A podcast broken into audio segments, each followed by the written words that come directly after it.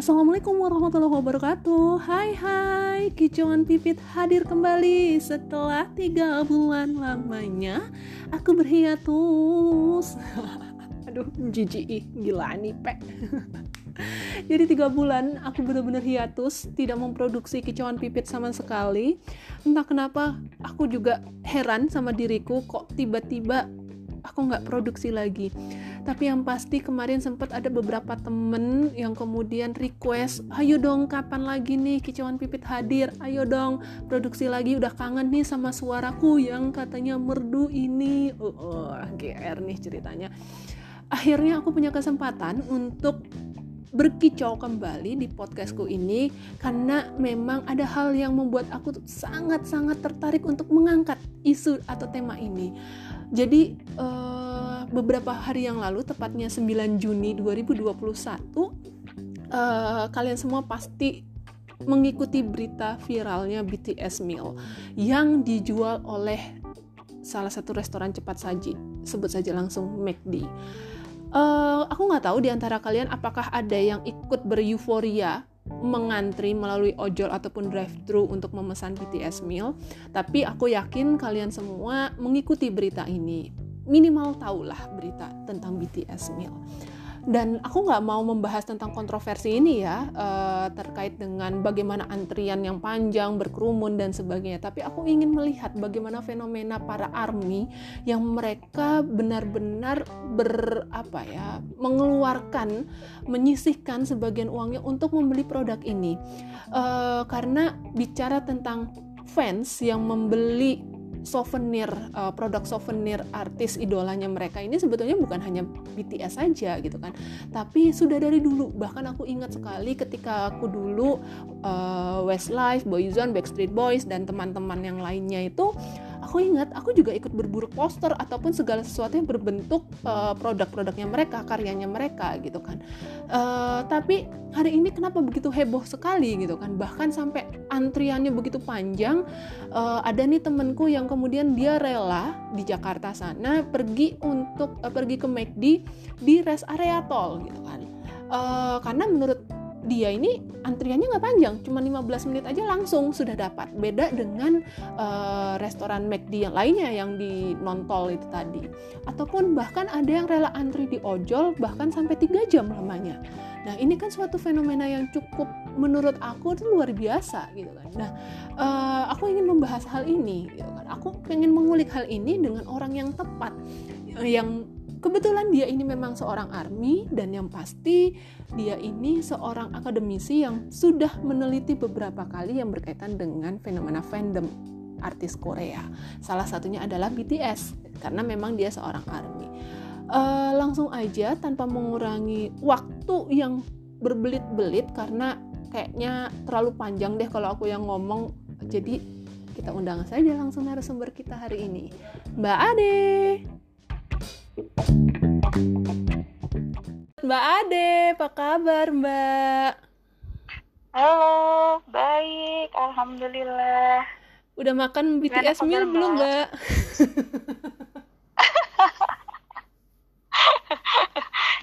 itu sebenarnya mau dicari tapi belum nih belum belum belum, ya? belum sempet nih tapi kayaknya nggak bakal ada kesempatan deh aku lihat belum belum belum kayak, kayaknya beberapa orang yang nyetatus setelah kemarin kayaknya mereka nggak dapet sih hmm? yang beli langsung ya, yang beli ah. langsung apa uh, drive thru kayaknya mereka nggak tahu sih aku cuma lihat di status aja ya statusnya beberapa uh, orang gitu. Jadi ya. Uh, oh, sepertinya sih masih masih akan ini sih mbak karena kan sampai akhir bulan ya masih akan berjalan sampai masih akan ada sampai akhir bulan.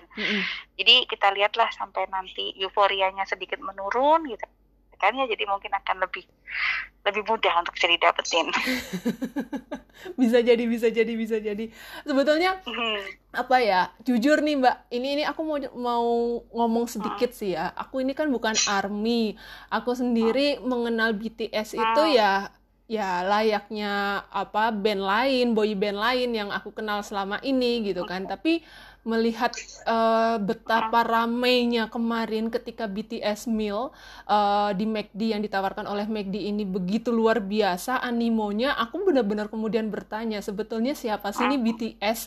Ada apa sih dengan para ARMY ini sendiri? Nah itu yang uh, apa ya mengulik aku akhirnya aku kepikiran untuk ngajak Mbak Ade ngobrolin soal BTS Meal ini di podcastku ini gitu. Ah, seru nih, seru nih. Semoga Mbak Ade Mbak Ade bisa ya menjawab semua BTS. pertanyaanku ya. Oke, dengan senang hati. Oke. Mbak, Mbak, uh, pertanyaan pertama. Cile pertanyaan hmm. pertama udah kayak apa aja? Mbak Ade pertanyaan ini pertama ini soal ujian nih. anu, uh, ki, apa namanya? Uh, ujian masuk itu loh, Mbak. Enggak jadi deh, nggak mau ku bahas di sini terlalu sensitif nanti. Oke, okay. Mbak Ade, Mbak Ade ini seorang army bukan sih sebetulnya?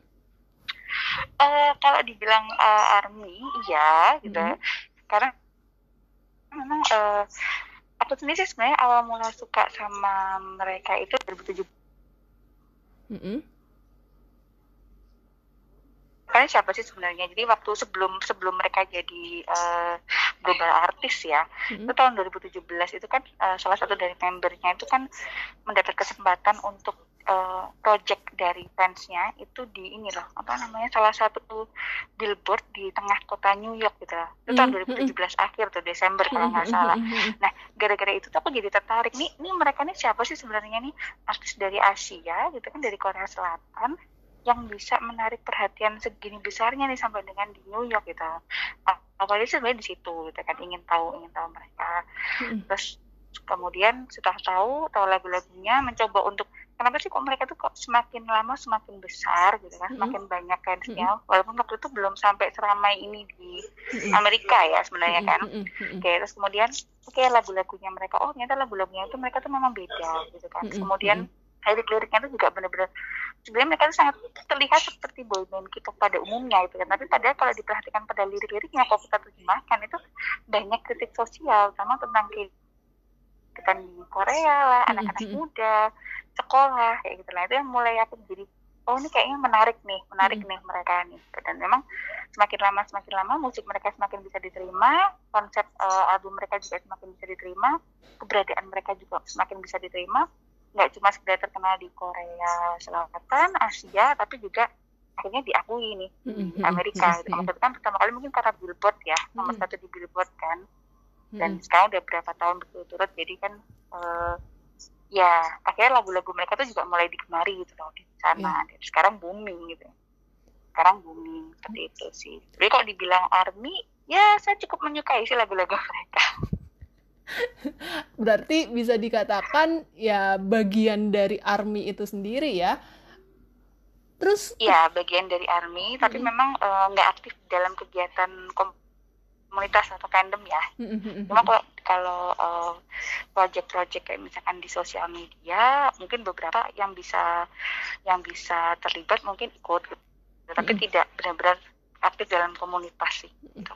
Termasuk kemarin ketika BTS Meal rame-ramenya viral-viralnya itu, Mbak Ade juga nggak ikutan ya berarti ya? Oh iya, uh, ya. Uh, kemarin kan sempat ramai tuh hari mm -hmm. pertama BTS Mil keluar kan ya. Mm -hmm. Jadi jelas semua orang pasti pengen dapat yang hari pertama gitu yeah. ya.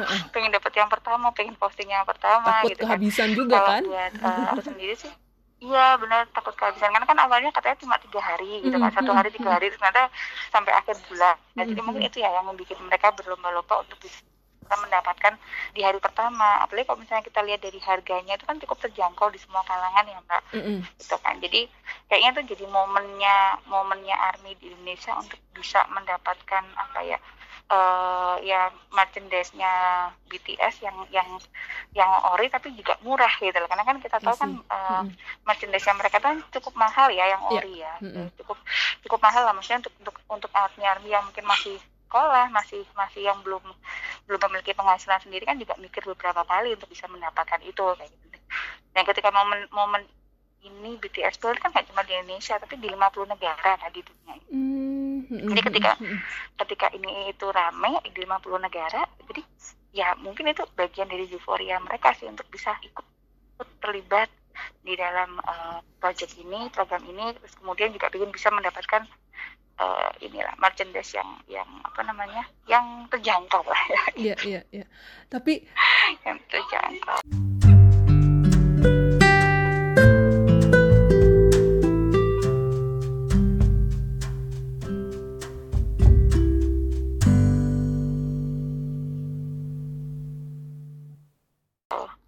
aku ngelihat fenomena uh, para fans yang kemudian mereka berburu souvenir uh, artis idolanya mereka. Ini kan sebetulnya bukan dari bukan bukan hanya BTS ya. Artinya bahkan dari kita zaman dulu ya. Dulu itu kesannya kayak yeah. kita iya. udah udah usia berapa gitu ya. Tapi yeah, iya, uh, apa itu kan sudah pernah terjadi gitu ya. Maksudnya sudah berulang-ulang dan bahkan mungkin dari zaman orang tua kita pun ada yang sudah sampai seperti itu uh, mereka meng mengejar uh, apa souvenir-souvenir tersebut. Tapi jujur aku melihat fenomena tentang uh, mereka yang mengejar souvenir begitu belaninya belani itu apa ya? Bahasa Indonesia benar-benar sampai yang seperti ini kema uh, seperti BTS ini ya baru kemarin itu sebetulnya ada fenomena apa sih Mbak dari dari apa yang sudah terjadi? Khususnya para army ini sendiri fandom fan, uh, bukan hanya army sih ya aku lihat tapi fandom fandom uh, boyband atau girl bandnya Korea aku melihat kok semakin heboh dan sebombastis ini gitu. Kalau Mbak Adik melihat seperti apa? Uh, sebenarnya yang menjadi alasan kenapa saya juga sekarang itu uh, fokus untuk melihat bagaimana perkembangan fandom ya terutama untuk fandom dari hmm. K-pop itu. Apa sampai beberapa kali riset mbak. Jadi sudah uh, kan ini satu fenomena yang yang cukup bagus kan. Yeah. akhirnya satu hal yang menarik dari budaya populer saat ini gitu kan. Dan uh, beberapa riset sudah sempat buat apa lakukan. Nah, salah satunya memang di era digital ini gitu kan di era digital ini perkembangan budaya populer itu kan berjalannya sangat cepat gitu kan karena ya, ya tadi ya, sebagai media komunikasi sih. media online bisa menyebarkan satu nilai menyebarkan satu message yang yang uh, apa namanya yang pada akhirnya menjadi tren gitu kan menjadi ya, ya. menjadi viral di, di mm-hmm. di masyarakat berawal dari suka nggak suka akhirnya ketika banyak orang itu menyukai gitu kan kan akhirnya juga itu kan berkembang gitu kan yeah, iya. akhirnya yeah. jadi jadi jadi viral nah eh, kehadiran kehadiran fandom fandom K-pop sendiri itu kan muncul sebagai salah satu bagian dari perkembangan budaya populer di era mm-hmm. digital mm-hmm. jadi eh, menjadi bagian dari perkembangan budaya populer di era digital sehingga uh, keanggotaan nggak cuma sekedar kalau dulu kan zaman kita dulu kan per wilayah ya mbak ya yeah. kan oh ini uh, fansnya boyband ini nih di, di Surabaya nih di Jakarta gini gitu lah sekarang mm-hmm. karena kita punya apa selain makluhan bilangnya kan apa uh, apa mbak namanya mbak bahwa the world is in your hand kan sebagai mm-hmm. satu ya jadi satu dunia baru global village oh the global village global village jadi uh. satu ya jadi ya jadi kan media online itu sebagai salah satu ruang baru gitu loh yeah, wilayah yeah. baru bagi bagi semua orang di dunia ini tanpa ada batasan kamu orang Indonesia kamu orang Korea Selatan kamu orang Amerika kamu orang mana pun lah itu kan yeah, yeah, yeah, semuanya yeah. memudahkan kita untuk bisa berkomunikasi karena itulah yang, menyebabkan kenapa perkembangan fandom di era digital itu cepat sekali berjalannya gitu loh. Yep, yep, kita lihat kan BTS itu ya mulai dikenal di dunia kan baru beberapa tahun terakhir ya sebenarnya. Tepatnya tapi, tahun berapa sih mbak? Tapi larinya itu kan begitu begitu tinggi. Kenapa? Hmm, tepatnya tahun berapa sih BTS itu mulai serame ini, seviral ini gitu? Uh, uh, ya, mbak Andi tahu. BTS itu terkenal di uh, ini kan Billboard ya. Mm -mm, mm -mm. Iya, iya. tahun uh. 2017 bukan sih? Oh. Ya kan mulai mm -hmm. mulai mulai banyak lama, ya? mulai banyak diminati kayak gitu loh. Hmm. Iya, belum lama. Dan itu kan menggeser uh, menggeser posisinya Justin Bieber yang juga bertahan lama kan di yeah, yeah, yeah. di top sosial artis gitu. Mm -hmm. Dan sekarang digeser sama BTS, BTS itu juga bertahan lama gitu kan. Ya karena tadi itu dia sama sih uh, tren dari fans fans itu juga serupa dengan dengan yang di barat gitu kan hanya saja karena memang sekarang itu sepertinya lagi merajai budaya Korea mm-hmm. yang uh, menjadi soft, soft power diplomasi gitu kan bagi bagi mm-hmm. Korea Selatan sendiri ya, dengan mudah akhirnya dapat diterima oleh masyarakat di dunia. Nah perkembangan fandom inilah yang membuat uh, memudahkan ya mungkin bagi suatu brand untuk bisa mendapatkan perhatian dari halayak. Nah bukan bukan McD aja sih yang yang sempat hmm, mendapatkan hmm, perhatian hmm. dari halayak gitu. Beberapa brand kayak misalkan Downy sempat sempat habis mbak di pasaran gara-gara uh, dipakai sama salah satu membernya, dipakai sama Jangkuk gitu kan. Terus kemudian uh, ada minuman apa juga seperti itu. Semua serba serba cepat sold out lah gitu gara-gara mereka yang menggunakan gitu makanya makanya ketika fenomena yang McD pun ini sebenarnya apa BTS Millie sebenarnya juga bisa diprediksi harusnya ya. Mm -hmm. bahwa ini kalian bekerja sama dengan global artis nih yang sekarang lagi punya power gede banget. Gitu loh power fandomnya besar sekali. Jadi minatnya uh, army pun untuk membeli itu juga akan sangat besar sekali. Ini baru arminya sendiri mbak ya. Belum belum orang-orang yang yang merasa ingin mengikuti tren gitu kan. Mm-hmm. belum ditambah mereka yang ingin juga ingin juga eksis di media sosial posting gitu kan itu kan juga jadi besar sekali dan harusnya itu bisa diprediksi dari awal sih oleh oleh Greg McD gitu loh bahwa memang minat dari pembelian itu akan akan sangat sangat besar sekali jangankan yang masih di BTS Meal gitu mbak yang produk uh, Louis Vuitton yang harganya itu mahal. Itu aja bisa sold out loh mbak. Oh, iya? gara-gara satu satu eh, satu fashion tertentu satu baju tertentu dipakai oleh salah satu membernya itu bisa sold out. Gitu loh. bisa sold out apalagi ini uh, satu produk yang harganya itu sangat terjangkau. Jadi uh, bisa diprediksi sih sebenarnya terutama terutama kalau kita ngikutin perkembangan uh, K-pop kita ngikutin perkembangan dari uh, eh, BTS sendiri ya harusnya memang wajar kalau kalau bakalan seperti ini kalau minatnya itu bakalan besar sekali. Karena nggak cuma di Indonesia sebelumnya di Malaysia juga seperti itu. Di beberapa negara lain yang sebelum Indonesia kan Indonesia bukan negara pertama sebenarnya yeah, yeah, kan yeah, ada beberapa uh, uh, negara lain itu itu pun juga minatnya juga tinggi gitu. Makanya sampai ada tempat uh, antrian tersendiri kan hanya untuk pembelian uh, BTS meal seperti itu. Iya, seperti yang terjadi di Indonesia kalau kemarin kan akhirnya sampai di aplikasi ojol-ojol itu kan semua di close kan benar-benar ditutup terus uh, kayaknya sih kalau aku lihat aku kan juga hanya ngamatin dari media sosial ya dari berita-berita uh, apa yang ngantri itu ya rata-rata yang berjaket hijau alias ojol-ojol itu tadi gitu kan. Kalau toh ada antrian yeah, drive-thru ya ya nggak tahu lagi sih. Tapi memang apa ya uh, akhirnya kalau aku membaca apa uh, eh, BTS dan teman-temannya artinya boyband Korea, boyband ataupun girl band Korea yang lainnya ini hari ini benar-benar dijadikan semacam brand ambassador ya bagi brand-brand tertentu untuk untuk produknya mereka gitu ya. Ya, terutama di Indonesia kan tahu uh, eh, BTS bukan yang pertama kan ya kayak misalkan yeah, yeah. Uh, produk uh, apa namanya mie sedap kita ada Siwon terus mm -hmm. kemudian produknya apa dulu Shopee ada ada Blackpink sekarang kan mm -hmm. Tokopedia ada uh, BTS kayak gitu sebenarnya bukan bukan yang pertama sih kalau kalau uh, apa namanya uh, brand itu menggunakan strategi marketingnya mm -hmm. dengan cara menggandeng dari beberapa uh, idol dari Korea Selatan ataupun atau artis dari Korea Selatan yang memang saat ini sedang banyak diminati di Indonesia. Sebenarnya bukan hanya Indonesia sih, tapi menjadi menjadi budaya populer yang lebih luas lagi di, di dunia kan sekarang. Iya, iya, iya.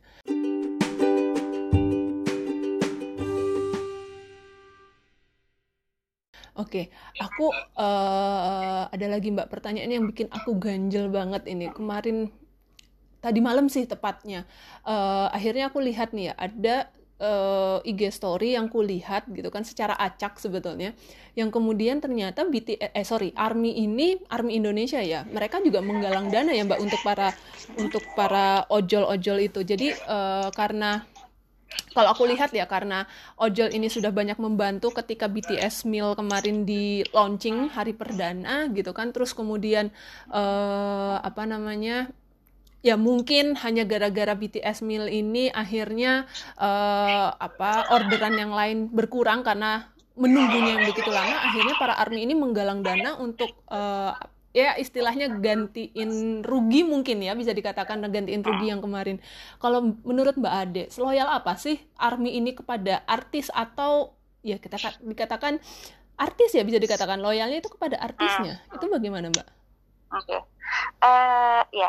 Jadi ini juga sempat jadi salah satu bagian dari risetku Mbak di awal mengenai hmm. bagaimana sih uh, aktivitas digital dari fandom. Jadi apa sih sebenarnya yang dilakukan oleh fandom di era digital ini hmm. gitu? Apakah mereka mensupport hanya karena uh, vote vote gitu kan? Ataukah ataukah mereka suka perform, suka performnya, ataukah seperti apa? Ternyata memang uh, beberapa nilai yang dibawa oleh idol terutama oleh BTS ini berhasil kena di, di di army gitu baik itu army Indonesia ataupun juga di dunia gitu. Karena beberapa pemikiran army kayak beberapa pemikiran BTS kayak misalkan di lagu-lagu mereka yang love yourself gitu kan. Itu juga pada akhirnya nggak cuma sekedar BTS yang mengkampanyekan tentang love yourself tapi um, ya di salah satu sosial agennya mereka juga untuk bisa sama-sama mengkampanyekan tentang bagaimana uh, love yourself itu tadi gitu jadi dengan dengan mudah gitu dengan mudah ketika ketika idol memiliki satu nilai maka nantinya akan diadopsi oleh mm-hmm. fansnya. Itu pula yang terjadi itu pula yang terjadi di di uh, BTS Army sebagai satu fandom ya begitu nah sama halnya ketika mereka uh, BTS itu kan beberapa kali melakukan kegiatan sosial yang mungkin memang mereka tidak tidak tidak mengekspos ya gitu kan tidak banyak mengekspos gitu kan tapi tiba-tiba ketahuan oh ternyata pengakuan dari inilah itulah itulah yeah, gitu yeah. ya nah hal serupa itu juga yang pada akhirnya sering dilakukan oleh BTS Army baik itu di Indonesia ataupun mm. juga di dunia salah satu contohnya ya kayak misalkan kemarin uh, pada saat Indonesia mengalami bencana beruntun mbak di beberapa kota ya mm. Kalimantan terus kemudian ya, Jawa Barat Sulawesi itu kan mm. uh, Army Indonesia menggelar kegiatan yang namanya BTS Army Ina Project. Mm-hmm. Jadi kegiatan ini adalah kegiatan yang tujuannya menggalang dana yang dia akan disalurkan di beberapa daerah yang mengalami bencana. Jadi uh, nama acara itu adalah Army Indonesia Peduli Bencana. Dan dalam waktu kurang dari tujuh hari, kurang dari seminggu, mm-hmm. mereka berhasil menggalang dana 690 juta.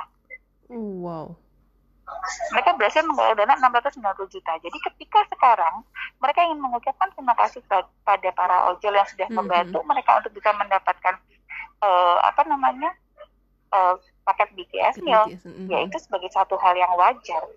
Kemarin tadi malam kalau nggak salah saya cek itu sudah sampai 200 200 yeah, juta. Yeah. Aku cek juta. terakhir sih masih 160 itu. uh, nah itu maksudnya maksudnya gini mm-hmm. uh, mereka itu berusaha untuk bisa menjawab bagaimana uh, apa ya istilahnya menjawab bagaimana uh, bukan nyinyiran ya tapi lebih kepada kritik ya kritik terhadap fenomena BTS itu dengan dengan suatu hal yang nyata gitu loh sama halnya sama halnya ketika dikatakan bahwa oh fandom itu selalu identik dengan hura-hura fandom itu identik dengan uh, apa namanya hal-hal yang uh, stereotip yang negatif kayak misalkan mm -hmm. oh korban kapitalisme dan sebagainya mm -hmm. gitu kan. Mm -hmm. Tapi di satu sisi di satu sisi mereka juga menjawab hal itu dengan beberapa kegiatan sosial yang mm. yang berhasil dilakukan gitu loh. Mm -hmm. Yang berhasil dilakukan. Jadi menurut aku sih sebenarnya fenomena BTS itu bukan suatu hal yang luar biasa dalam artian wah ini korban kapitalis nih siapa sih mbak yang nggak yang nggak jadi korban kapitalis di zaman yeah, sekarang. Iya, yeah, semua.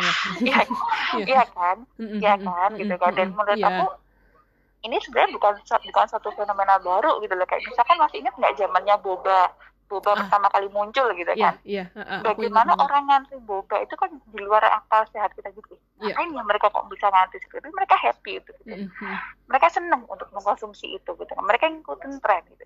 Mm -hmm. Sama yang BTS meal ini juga menurut menurut aku sih kayak gitu ya. Ini bagian dari ini bagian dari euforianya mereka ketika uh, salah satu idol mereka itu menjadi bagian dari uh, project atau bagian dari yaitu ambasadornya atau jadi jadi apa ya istilahnya jadi bagian dari strategi marketingnya satu brand tertentu seperti itu. Jadi uh, ya menurut aku sih sebenarnya wajar gitu. Tapi memang kalau untuk ininya ya untuk untuk reaksinya untuk reaksinya fans terhadap produk itu ya menurutku sih masih cukup wajar. Nah tadi produk itu masih mudah dijangkau, murah gitu kan semua orang masih bisa beli gitu.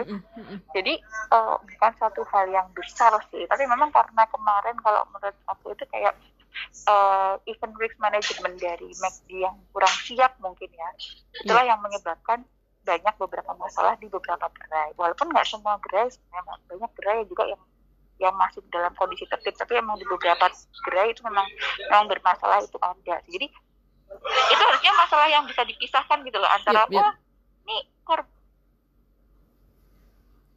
nih pak uh, apa namanya? Hura-hura nih pak ini. Harusnya harusnya masih bisa dipisahkan sih. Terlepas dari terlepas dari ini juga belum belum beli kan sebetulnya kan. Aku sendiri kan juga juga juga belum beli karena menurutku oke okay, masih belum masih belum perlu dan juga masih terlalu ramai gitu kan untuk untuk ikutan uh, mendapatkan BTS meal itu. Yeah, yeah. Gitu. Tapi memang sering kali berita negatif itu kan di blow up-nya cepet ya Mbak. Oh ya pasti. berita negatif itu kan di blow up-nya cepet ya. Tapi yeah. coba kalau misalkan beritanya tentang Army Indonesia Peduli Bencana yang menggalang 690 juta itu gitu kan. Mungkin ya ada di dalam beberapa liputan tapi mungkin tidak nyampe gitu. Tidak terlalu dan dan masyarakat sendiri mungkin kalau toh itu dipublish ya berita itu dimuat mungkin masyarakat sendiri tidak terlalu interest ya membacanya gitu kan bisa jadi. Iya mungkin ya uh, uh, ya hanya sekilas gitu kan. Oh iya tapi bukan satu hal yang jadi perbincangan karena balik lagi bukan satu hal yang jadi perbincangan uh, viral gitu. Kecuali di kalangan army sendiri ya di kalangan army. tapi untuk di masyarakat luas tidak. Hmm. So, memang ini jadi bagian dari evaluasi sebenarnya untuk untuk uh, apa namanya strategi marketing brand tertentu yeah. ketika ketika kita menggunakan salah satu uh, apa namanya uh, boy apa ya artis art, atau public boy figure lah ya public figure lah ya. Ya public figure yang nantinya menjadi bagian hmm. dari dari brand ambasadornya mereka gitu kan ya. Atau hanya bagian dari strategi marketingnya mereka ya. Itu sah-sah aja kan gitu.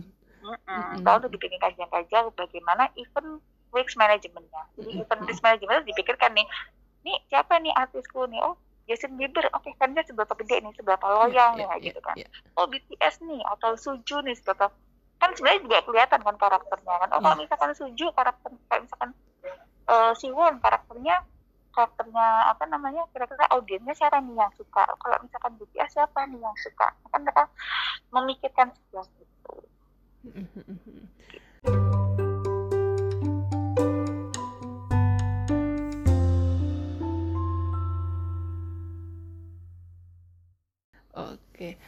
berarti memang benar ya apa uh, masih sama lah ya sebetulnya fenomenanya antara yang zaman tahun 90-an, 80-an sampai dengan yang hari ini uh, terjadi ketika BTS uh, eh, ARMY khususnya ini para fans ini kemudian ber beryuforia mereka memburu BTS meal ini sebetulnya sama saja hanya saja hari ini ya tadi kalau catatanku ya uh, apa karena perkembangan dunia digital, bagaimana online ini begitu mempermudah segala informasi menyebar ke seluruh dunia gitu kan.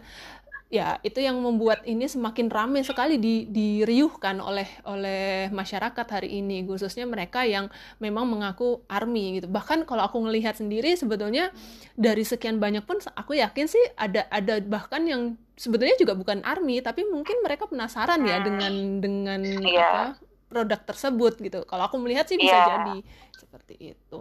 Uh, iya banyak sih ya beberapa review ya dari orang-orang uh, yang yang sepertinya sih bukan asli. Mm, mm, mm, karena aku melihat mereka komentarnya itu kalau pasca mengkonsumsi nugget yang yang apa memang dijual itu kan ya komentarnya mereka ya masih enakan yang menu biasa gitu. Mereka berarti hanya fokus ke produknya itu saja bukan kalau kalau aku melihat perbedaannya adalah ketika para army yang benar-benar gitu kan artinya mereka memburu itu karena uh, packaging dan sebagainya mereka melihat itu adalah sebagai sebuah investasi gitu kan menjadi sebuah hal yang harus diburu gitu tapi aku, apa aku sampai melihat di TikTok itu mereka bahkan sampai me, apa ya merecycle gitu lah ya mendaur ulang kembali kemasan-kemasan yeah. itu bahkan ada yang sampai menjual ke Shopee dengan harga yang berkali-kali kali lipat dari harga asli gitu nah kan. gitu.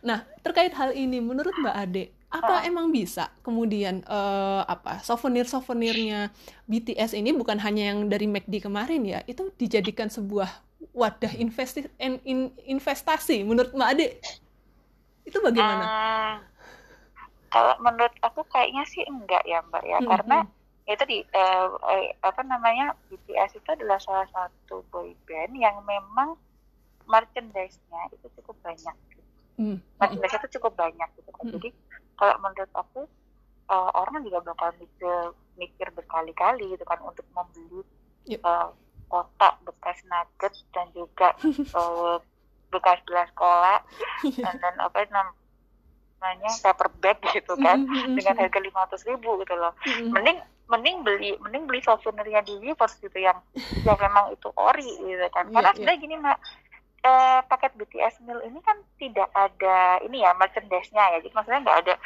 nggak ada mini figurnya nggak ada. Bahkan yep, foto yep, pun juga nggak ada gitu kan.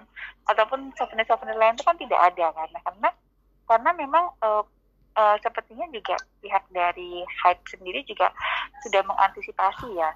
Karena kalau misalkan itu sampai terjual di McD bakalan luar biasa mereka perjuangan mereka untuk bisa mendapatkan itu gitu kan. Mm-hmm. Jadi untuk merchandise uh, eh, BTS dan juga McD ini masih ada terjual itu di Weverse. Di mana? Jadi di aplikasi Weverse. Weverse, Weverse oh. adalah aplikasi uh, apa namanya yang memang dimiliki oleh Hype gitu kan mm-hmm. untuk untuk bisa untuk bisa untuk bisa uh, ya tadi uh, media untuk komunikasinya antara artis-artisnya mereka salah satunya BTS mm-hmm. dengan dengan uh, uh, dengan fansnya terus kemudian juga di sana kita juga bisa membeli souvenirnya gitu kan. mm-hmm. kita bisa membeli souvenirnya. Jadi masih sebenarnya masih dipikirkan sih akan hal itu untuk tidak yeah. tidak menggunakan souvenir itu di jadi uh, Weverse itu adalah ini the fan community platform. Apa apa? Jadi di sana the fans community platform. Oh uh -uh. jadi satu platform khusus yang itu untuk komunitas fans gitu. hmm. jadi ada ada feed ada postingan artis kemudian fans ada apa pun juga, ya ini? Uh, enggak dari Hybe jadi oh. hanya bikin dulu dulu bikin kan kan mereka berubah nama kan. Gitu. jadi nggak cuma sekedar BTS ada TXT juga di sana gitu ya yang satu satu inilah. Satu, satu apa ya? agensi. Agensi ha, ha, ha, satu ya, agensi. satu agensi dengan atau di sini oke. Okay. the last one nih mbak pertanyaan terakhirku. Uh, sebagai seorang army yang juga akademisi nih Cile agak berat nih kayaknya. Uh, apa ya? Karena aku melihat aku nggak mau apa ya? Aku nggak aku bu bukan kemudian me, me, apa ya?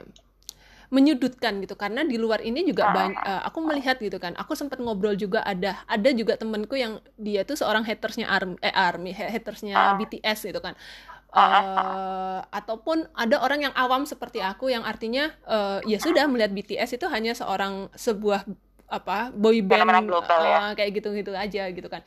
Menurut Mbak Mbak Ade nih pesan untuk kami semua yang ada di luar sana yang netral lah katakan yang netral itu terkait dengan BTS itu apa yang sekiranya bisa mengubah kami bahwa uh, boy band bukan hanya BTS ya tapi mungkin untuk boy band Korea yang lainnya ataupun girl band lain apa girl band Korea yang lainnya.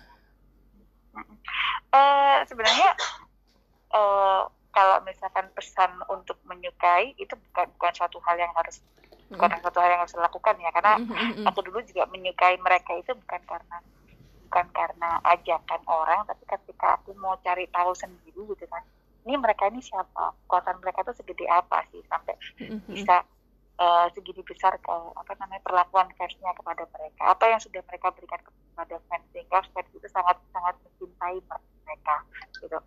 Nah uh, ya itu akhirnya akhirnya memang aku tertarik untuk melakukan riset mengenai fandom terlepas dari apakah itu BTS Army atau fandom yang lain ya tapi memang untuk awalan ini uh, yang lebih banyak adalah tentang tentang BTS Army gitu kan. Seberapa besar sih uh, kekuatan power dari seorang BTS untuk bisa untuk bisa mempertahankan dan juga bisa untuk merangkul para fansnya gitu. Nah, uh, yang menarik dari dari fandom ini adalah ketika zaman dulu kita itu uh, menyukai seorang artis kita akan berupaya untuk bisa mendapatkan sesuatu dari mereka gitu kan ya hmm. uh, sangat sangat berapi-api gitu kan. Yang membuat aku kagum adalah di fandom ini mereka justru berusaha untuk melindungi uh, idolnya. Dan ini dikomunikasikan secara secara global gitu. Jadi kayak misalkan sebagai contoh aja. Ketika di dia salah satu di antara ARMY itu ada yang oleh BTS mbak di tengah jalan mereka nggak akan posting itu saat ini juga.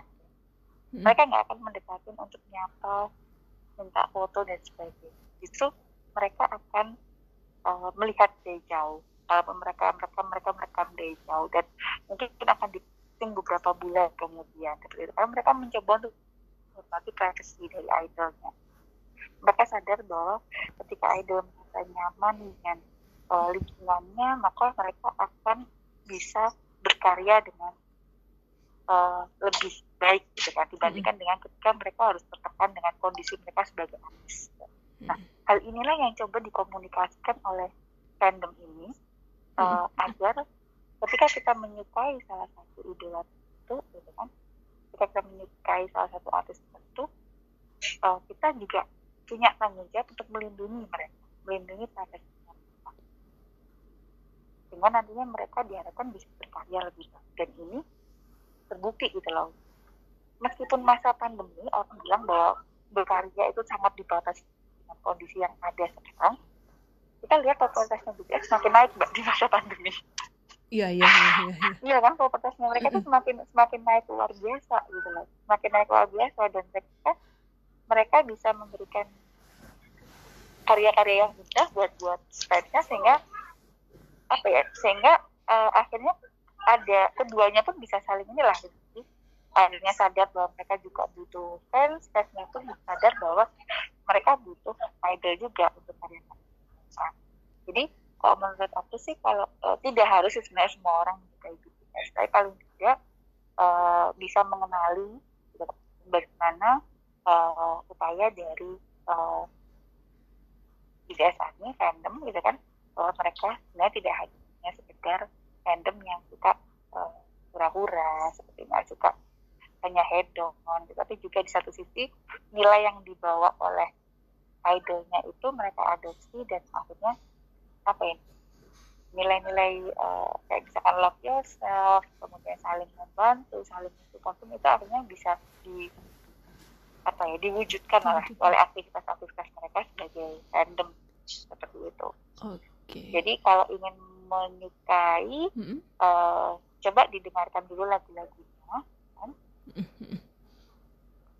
uh, ya itu lebih karena mungkin mungkin ada beberapa hal yang yang bisa mewakili mewakili kita lah dari satu kondisi uh, yang ada saat ini. Oke, oke deh kalau begitu. Makasih banyak Mbak Ade ini sudah banyak sekali info yang ku dapatkan kaitannya dengan jangan ya. Enggak, enggak, enggak. Uh, apa ya? Ya jujur karena aku sendiri kan enggak paham ya Mbak Ade ya. Aku bukan orang uh, aku sendiri menyukai uh, produk produk populernya Korea itu bisa dibilang barulah ya dua tahun terakhir ini. Dan tapi itu pun tidak yang konsisten kemudian mengikuti ataupun mengkonsumsi gitu kan. Artinya ya hanya kalau lagi pengen lagi suntuk atau lagi apa gitu kan tapi untuk boy band sendiri jujur aku belum bisa gitu maksudnya hanya beberapa ya mungkin karena saking seringnya diputar sama radio akhirnya denger kayak gitu-gitu aja sih gitu nggak nggak yang apa hmm, ya seperti orang-orang yang lainnya gitu kan jujur ini membuat sebenarnya selera Iya betul. Ya, Akhirnya bicaranya memang selera sih. Sebenarnya gitu. selera gitu loh kak. Oke deh kalau begitu. Oke kalau begitu makasih banyak Mbak Ade. Mohon maaf mengganggu waktunya. Semoga Terima saja apa yang tadi disampaikan bisa bermanfaat untuk orang-orang semuanya. Gitu aja. Oke, makasih Mbak ya. Ade. Terima kasih. Sehat-sehat selalu Mbak. Yuk.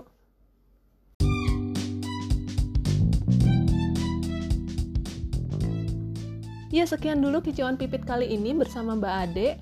Uh, semoga saja apa yang tadi sudah kita bicarakan, kita obrolkan bareng-bareng ini bisa bermanfaat dan bisa menambah wawasan kalian semua berkaitan dengan fandom, berkaitan dengan BTS ataupun dengan ARMY. Sekali lagi mohon maaf apabila ada kesalahan. Stay safe, stay healthy, stay happy semuanya. Wassalamualaikum warahmatullahi wabarakatuh. Bye bye.